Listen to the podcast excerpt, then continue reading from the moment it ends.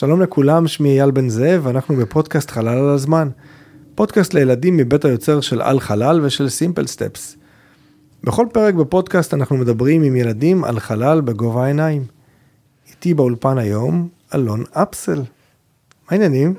כן, אני אלון אפסל, אני קצת יותר מבן תשע וחצי ואני מתאמן יותר מאייל בהישרדות, כי אני מתאמן כמה שנים. איזה חגורה אתה? אני חגורה כתומה ואני מתה על החוג הזה. ולא מזמן נרשמתי לחוג אלקטרוניקה שאני מאוד אוהב אותו. אני חגורה לבנה ואני רק חודש שם, אז אתה יותר ממני, זה אה, נכון. כן, או, אני זוכרת את זה שהייתי שם בחגורה לבנה, אבל זה עניין אחר. אני מאוד אוהב חלל. לפני איזה שנה התחלתי לחקור, וגיליתי דברים ממש מגניבים. כמו מה? אה, ג'יימס ווב, הטיל הזה של X Space, ש... כי הוא טס לחלל וחוזר, הוא לא צריך להתפרק, זה מגניב. מה זה ג'יימס ווב? ג'יימס ווב, שהוא מגלה כל מיני תמונות. זה טלסקופ. כן, הטלסקופ אה, נראה לי הכי חזק עד עכשיו, אבל מתכננים טלסקופ חדש. כי גילו שעשו אותו קטן מדי, אז הוא לא יכול לראות דברים מספיק גדולים. אבל מסתפקים בזה. אתה אומר הוא רק חגורה לבנה, הולכים לבנות חגורה כתומה. די, לא, לא, לא, לא, לא, לא, לא. הבנתי. אז אתה גיק של חלל, אתה אוהב חלל, מגניב, אני אוהב ילדים כאלה, גם אני כזה, ילד שאוהב חלל. תגיד, יש לי שאלה עליך בתור ילד, מילד לילד שאוהבים חלל. אתה יודע לכמה מדינות בעולם יש יכולת לשגר לחלל? נראה לי ששמונה, כי יש את מועדון השמונה, אתה קרוב. פעם- השבע, פעם היה מועדון השמונה, זה נכון. אנחנו היינו המדינה השמינית במועדון הזה, אבל מאז הצטרפו עוד כמה. אתה יודע, אתה יודע מי המדינות שיש להם יכולת לשגר לחלל? לא, אני רק יודע שזה מועדון השמונה. מי המדינות הכי גדולות והכי מפותחות טכנולוגית שאתה מכיר? אה, ארצות הברית ורוסיה למשל, הן, ממש התחרו בהתחלה כל הזמן. נכון, זה שתיים באמת מהמועדון הזה. איזה עוד מעצמות אתה מכיר? אה, ישראל? ישראל היא אחת מהן, היא המדינה השמינית. שכח, שכחתי. יש שם עוד כמה מדינות קטנות וזניחות כמו סין, יפן, צרפת. אבל גם ישראל היא אחת מהזניחות, לא? יפה. אחרינו, אחרינו, באו שתי מדינות שהן פחות חברות שלנו, איראן וצפון קוריאה, ואחריהם באה מדינה קטנה ומוזרה שאף אחד לא חשב בחיים שתפתח יכולת לשגר לחלל. רגע, הוותיקן? לא, אבל את זה אני בפירוש אשים בקטע של הסוף. אה, ניו זילנד. אני לא מכיר. יש מדינה כזו, שני איים בדרום. אה, אה, לא משנה, היום אנחנו הולכים לדבר על ישראל בחלל.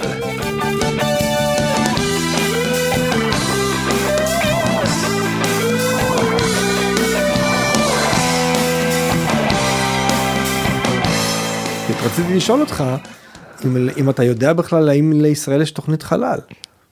מה זאת אומרת תוכניות חלל? לא יודע, הם מתכננים לעשות משהו בחלל. אה, כן, הם מתכננים אה, משהו עם סין, לנחות על הירח ולעשות אה, בסיס לחלליות, משהו כזה. ישראל? כן, וסין, או, או יפן, אני כל הזמן מתבלבל. את התוכנית הזאת לא הכרתי. ייי! אבל כן, לישראל יש כל מיני תוכניות חלל. יש לה תוכנית חלל צבאית, עם לווייני ריגול. יש לה תוכנית חלל אזרחית. יש כל מיני גופים היום בארץ שמתעסקים בעולם החלל. יש לך רעיון מי? מי מתעסק בעולם החלל היום בישראל?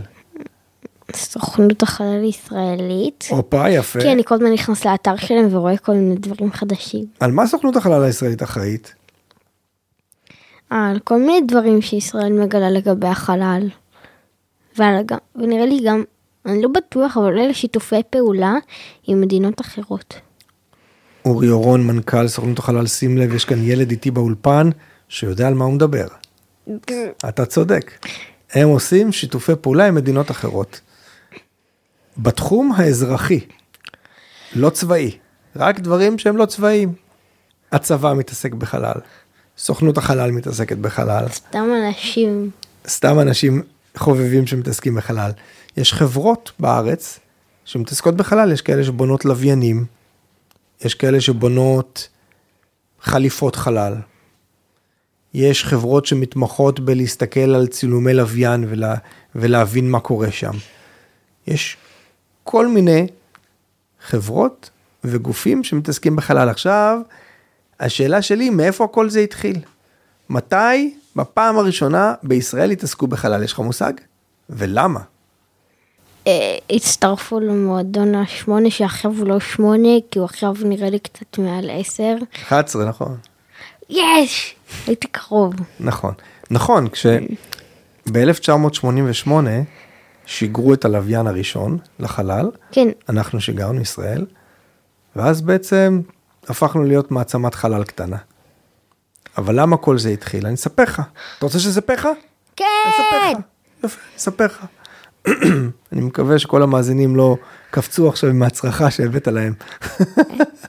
אתה יודע איזה מדינה נמצאת מדרום אלינו?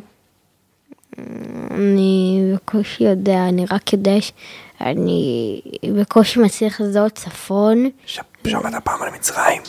אה, כן, שמעתי על זה מיליון פעמים. יפה. מצרים נמצאת מדרום אלינו, ופעם ישראל הייתה טסה עם מטוסים מעל אזור שנקרא סיני, והייתה מצלמת את מצרים מסיני. ואז, ב-1979, קצת לפני שאימא ואבא נולדו, אני חושב, רגע, רגע, איזו שנה? 1979, הם נולדו, כי הם נולדו ב-1970 ומשהו. אבל זה לפני 1979, אני יודע, אני זוכר. גם, אוקיי. גם לפני 1976. יפה.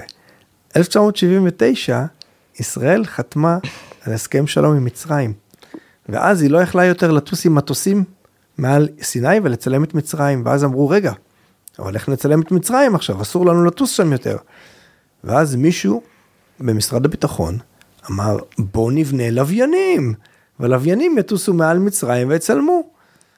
וכולם אמרו לו, לאיש הזה קוראים חיים אשד, הוא, הוא, הוא חי עד היום, איש מדהים, ואנשים אמרו לו, אתה מטורלל, על מה אתה מדבר? מה זה לוויינים? רק למעצמות אדירות כמו באמריקה ורוסיה יש לוויינים. אין, אנחנו לא יודעים איך לבנות לוויינים. ואז הוא אמר, אני יודע איך, ואחרי הרבה הרבה הרבה הרבה דיונים ומריבות וויכוחים, החליטו שרוצים לבנות לוויין. ובאמת ב-1988 שיגרו את הלוויין הראשון שלנו. וואו! אופק אחד. אופק אחד, ככה קראו לו. וכל העולם היה בשוק. כי אף אחד לא חשב שלישראל יש יכולת לשגר לוויין לחלל. כן, ישראל טובים יותר ממה שכולם חושבים, וגם יותר ממה שהם חושבים, כי המון בני אדם לא מבינים כמה הם טובים. נכון. ומאז התחילה להתפתח פה בארץ לאט לאט תוכנית חלל. בהתחלה זו הייתה רק תוכנית חלל צבאית, עם אותם לווייני ריגול, שיש להם מצלמות גדולות. אז החברה, דיברנו על כל מיני גופים וחברות, החברה שמ... שבונה את הלוויינים קוראים לה תעשייה אווירית, שמעת פעם על החברה הזאת? תעשייה אווירית? אני רק שמעתי את השם שלה. כן, בסדר. אז זו חברה שבונה כל מיני דברים, וגם את הלוויינים שלנו. ויש חברה אחרת, פה ברחובות, שקוראים לה אלאופ, והיא בונה את המצלמות של הלוויינים. אתה יודע, יש היום מצלמות לכל, נכון? כן, נכון. גם לג'יימס ווב, שקוראים לו ג'יימס, זה שם המקורי שלו, ג'יימס. ג'יימס ווב Space Telescope, יש לו גם כן מצלמות, נכון? הם לא נבנו בישראל בחברת אלאופ, אבל נכון. מישהו בנה גם את המצלמות האלה. וככה לאט לאט עוד ועוד חברות בארץ נפתחו, שנתנו כל מיני שירותים בתחום החלל. אם לך הייתה היכולת לפתוח חברת חלל, מה היא הייתה עושה? הייתה יכולה לפתח דברים ממש חזקים, היא הייתה מנסה לחפש עב"מים, עצ- עצמים בלתי מזוהים. איך מחפשים אותם? שאני אדע. אה, אולי אני אקים חברה מתחרה. אה, על, על איזה שהם כוכבים עם חיים. אה, וחוץ מזה מחפשים בעלנים של נוגה אה, מולקולות חיות. נכון. גם על זה היה מחקר, אתה צודק. לא ישראלי, אבל היה כזה דבר. אז אתה אומר, אם לך הייתה את היכולת, אולי תהיה לך יום אחד, היית פותח חברה לגילוי עב"מים. אני חושב, דרך אגב, שהבן אדם שיגלה את החייזרים הראשונים, הוא יהיה אחד האנשים הכי מוכרים בהיסטוריה. כן, אני יודע, למרות שאפשר להגיד שמצאו סוג של חייזרים, כי אה, מצאו מולקולות חיות ממקומות אחרים, אבל לא מצאו ממש חיים מפותחים. איפה מצאו מולקולות של חיים במקומות אני אחרים? לא זוכר. אה, אל תאמין לכל מה שאתה קורא. לא מצאו עוד שום דבר. איפה להאמין? איפה להאמין? אבל, אמר, אבל גם לא להאמין לכל דבר שאומרים לי. תלוי למי. אה, יש אנשים חוקרים רציניים ואמינים שאפשר להאמין להם. אה. מה שאתה קורא באינטרנט, רבע מהדברים, לא, חצי מהדברים זה פשוט, אה, פשוט לא נכון. גם המחקר שאמרת מקודם, של זיהוי של חיים בעננים של נוגה, החוקרים שכתבו את זה, כתבו שהם מזהים איזושהי מולקולה בעננים של נוגה, שעל כדור הארץ המולקולה, המולקולה הזאת היא קיימת או מפליטות של אה, מפעלים, או מחיידקים מסוימים, ואז הם אמרו, אם אין אה, מפעלים על נוגה, אז יכול להיות שזה קיים שם בגלל שיש שם חיידקים כמו על כדור הארץ. אחרי זה, כמה חודשים אחרי זה, גילו שהייתה להם טעות במחקר, וזה לא נכון. אז בינתיים עוד לא גילו. אז אנחנו מדברים היום על חלל בישראל. ורציתי לשאול אותך, דיברנו על כל מיני גופים שמתעסקים בחלל, והזכרתי לך את הצבא, רציתי לשאול אותך מה נראה לך שהצבא עושה בחלל. מה, יש חיילים בחלל? מה עושה שם? אה, מסתכל על מדינות אחרות, מה הן מתכננות לתקוף אותנו? איך הוא מסתכל? מאיפה? לו... מהלווייני ריגול האלה שדיברת Mm. עליהם באחד מהפרקים הקודמים. נכון, נכון מאוד. של, הסדר... של סדרת החלל. שת- כן. שתדע לך שיום אחד, כשתהיה חייל בצבא, יכול להיות שתגיע ליחידת הלוויינות, ותוכל להיות חייל צעיר בן 19, שאשכרה מנהל לוויינים.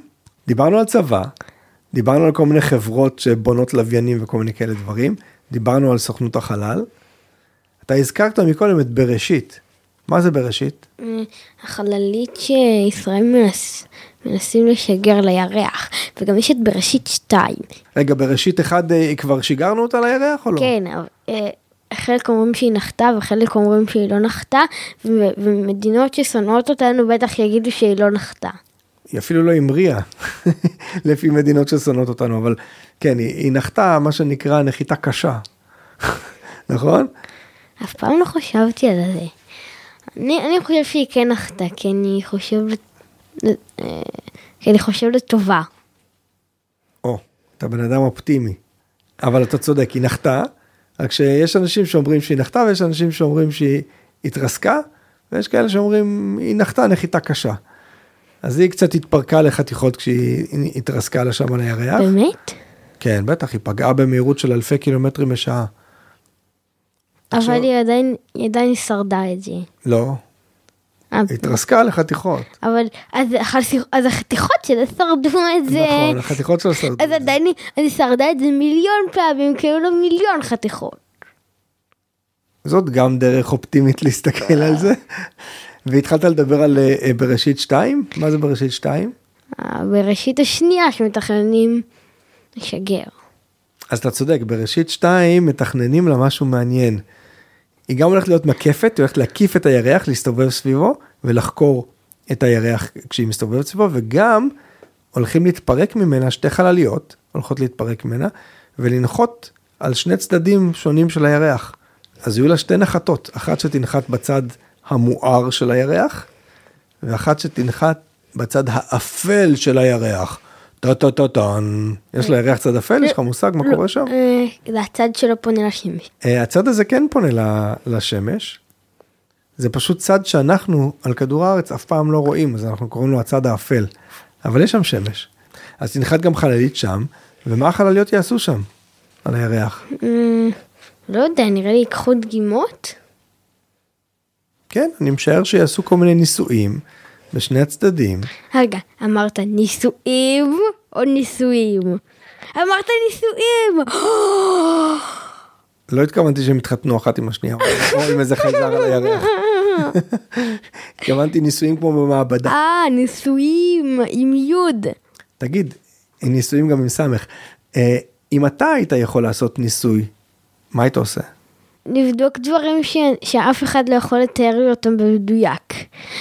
נגיד לשחות בחללית זה כיף, אני אוהב לשחות בבריכה, אז לשחות בחללית זה בטח יהיה עוד יותר כיף.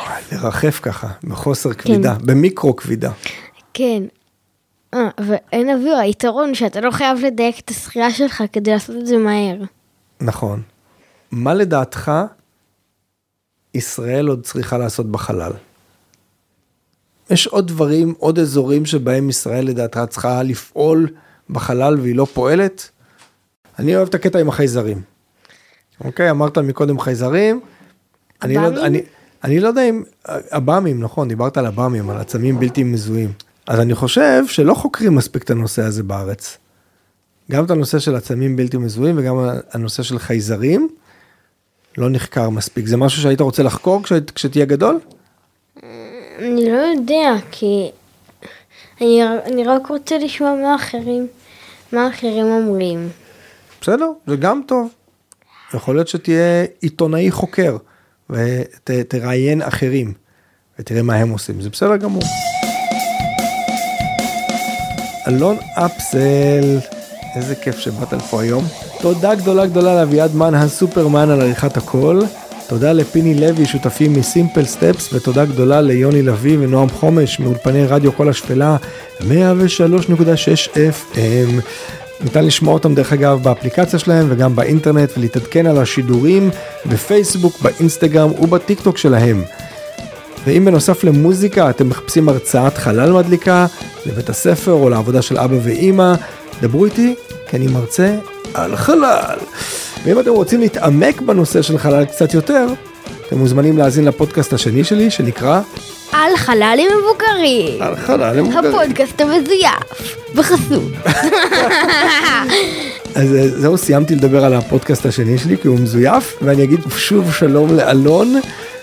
ואני אסיים להגיד שאני אייל בן זאב, ואנחנו ניפגש בפרקים הבאים של חלל הזמן. רגע, רגע, אני רק רוצה להזכיר, אני התאמנתי יותר ממנו. יותר. חגורה כתומה. כן. מה שנכון, נכון. וכדאי לכם להתאמן, יש סניף ברחובות. נכון. דניס הישרדות. כן. ביי. ביי.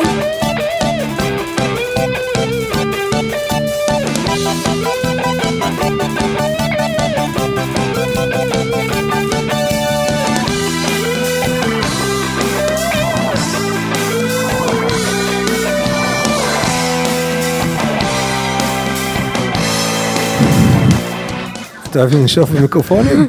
זה כיף. אני, מה שאני לא אוהב זה לשמוע צלילים של חריקות במיקרופון, זה, זה משגע. ואת זה לשמוע בפרק הבא, למה אני שונא לשמוע חריקות במיקרופון.